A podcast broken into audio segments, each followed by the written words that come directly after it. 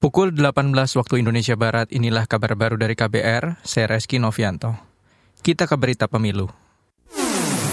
Kabar Pemilu. Kabar Pemilu.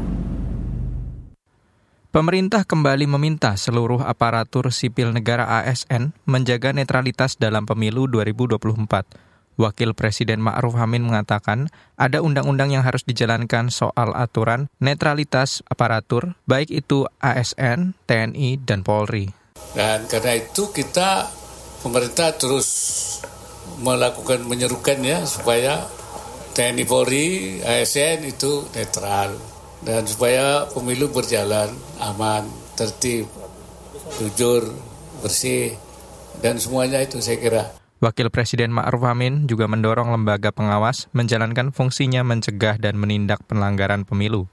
Sebelumnya, Ketua Komisi Aparatur Sipil Negara KASN Agus Pramusinto memprediksi jumlah pelanggaran netralitas pemilu akan mencapai 10 ribuan kasus. Angka itu bercermin dari Pilkada 2020 di 270 daerah yang menimbulkan pelanggaran netralitas ASN lebih dari 2.000 kasus. Beralih ke berita selanjutnya.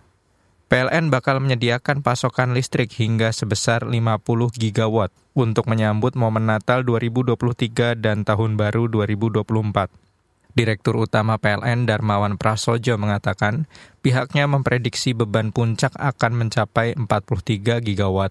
Karena itu PLN mempersiapkan pasokan listrik di seluruh wilayah Indonesia aman selama momen Nataru. Kami mempersiapkan seluruh pembangkit, baik itu yang dimiliki dan dioperasikan oleh PLN, maupun pembangkit yang dimiliki oleh mitra-mitra kami dalam kondisi siap dan siap. Dan tadi kami pastikan, kami cek satu persatu, wilayah demi wilayah sudah siap. Kemudian juga kami memastikan sistem transmisi kami, sistem kendali kami di setiap wilayah dari gardu induknya juga siap.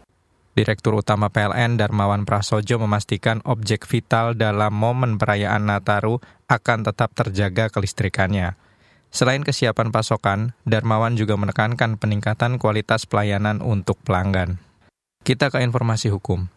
Hakim Tunggal Pengadilan Negeri Jakarta Selatan Estiono mengabulkan pencabutan permohonan gugatan pra-peradilan bekas Wakil Menteri Hukum dan HAM Wamenkumham Edi Hiaris terkait penetapan tersangka oleh Komisi Pemberantasan Korupsi KPK.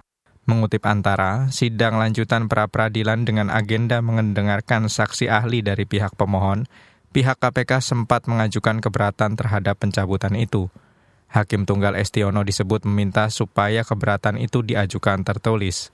Sebelumnya penyidik KPK telah menetapkan empat orang sebagai tersangka dalam kasus dugaan suap pengurusan administrasi tanpa prosedur di Kemenkumham.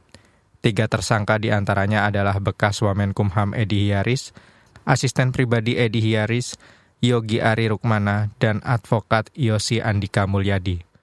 Pukul 18 waktu Indonesia Barat, inilah kabar baru dari KBR, saya Reski Novianto.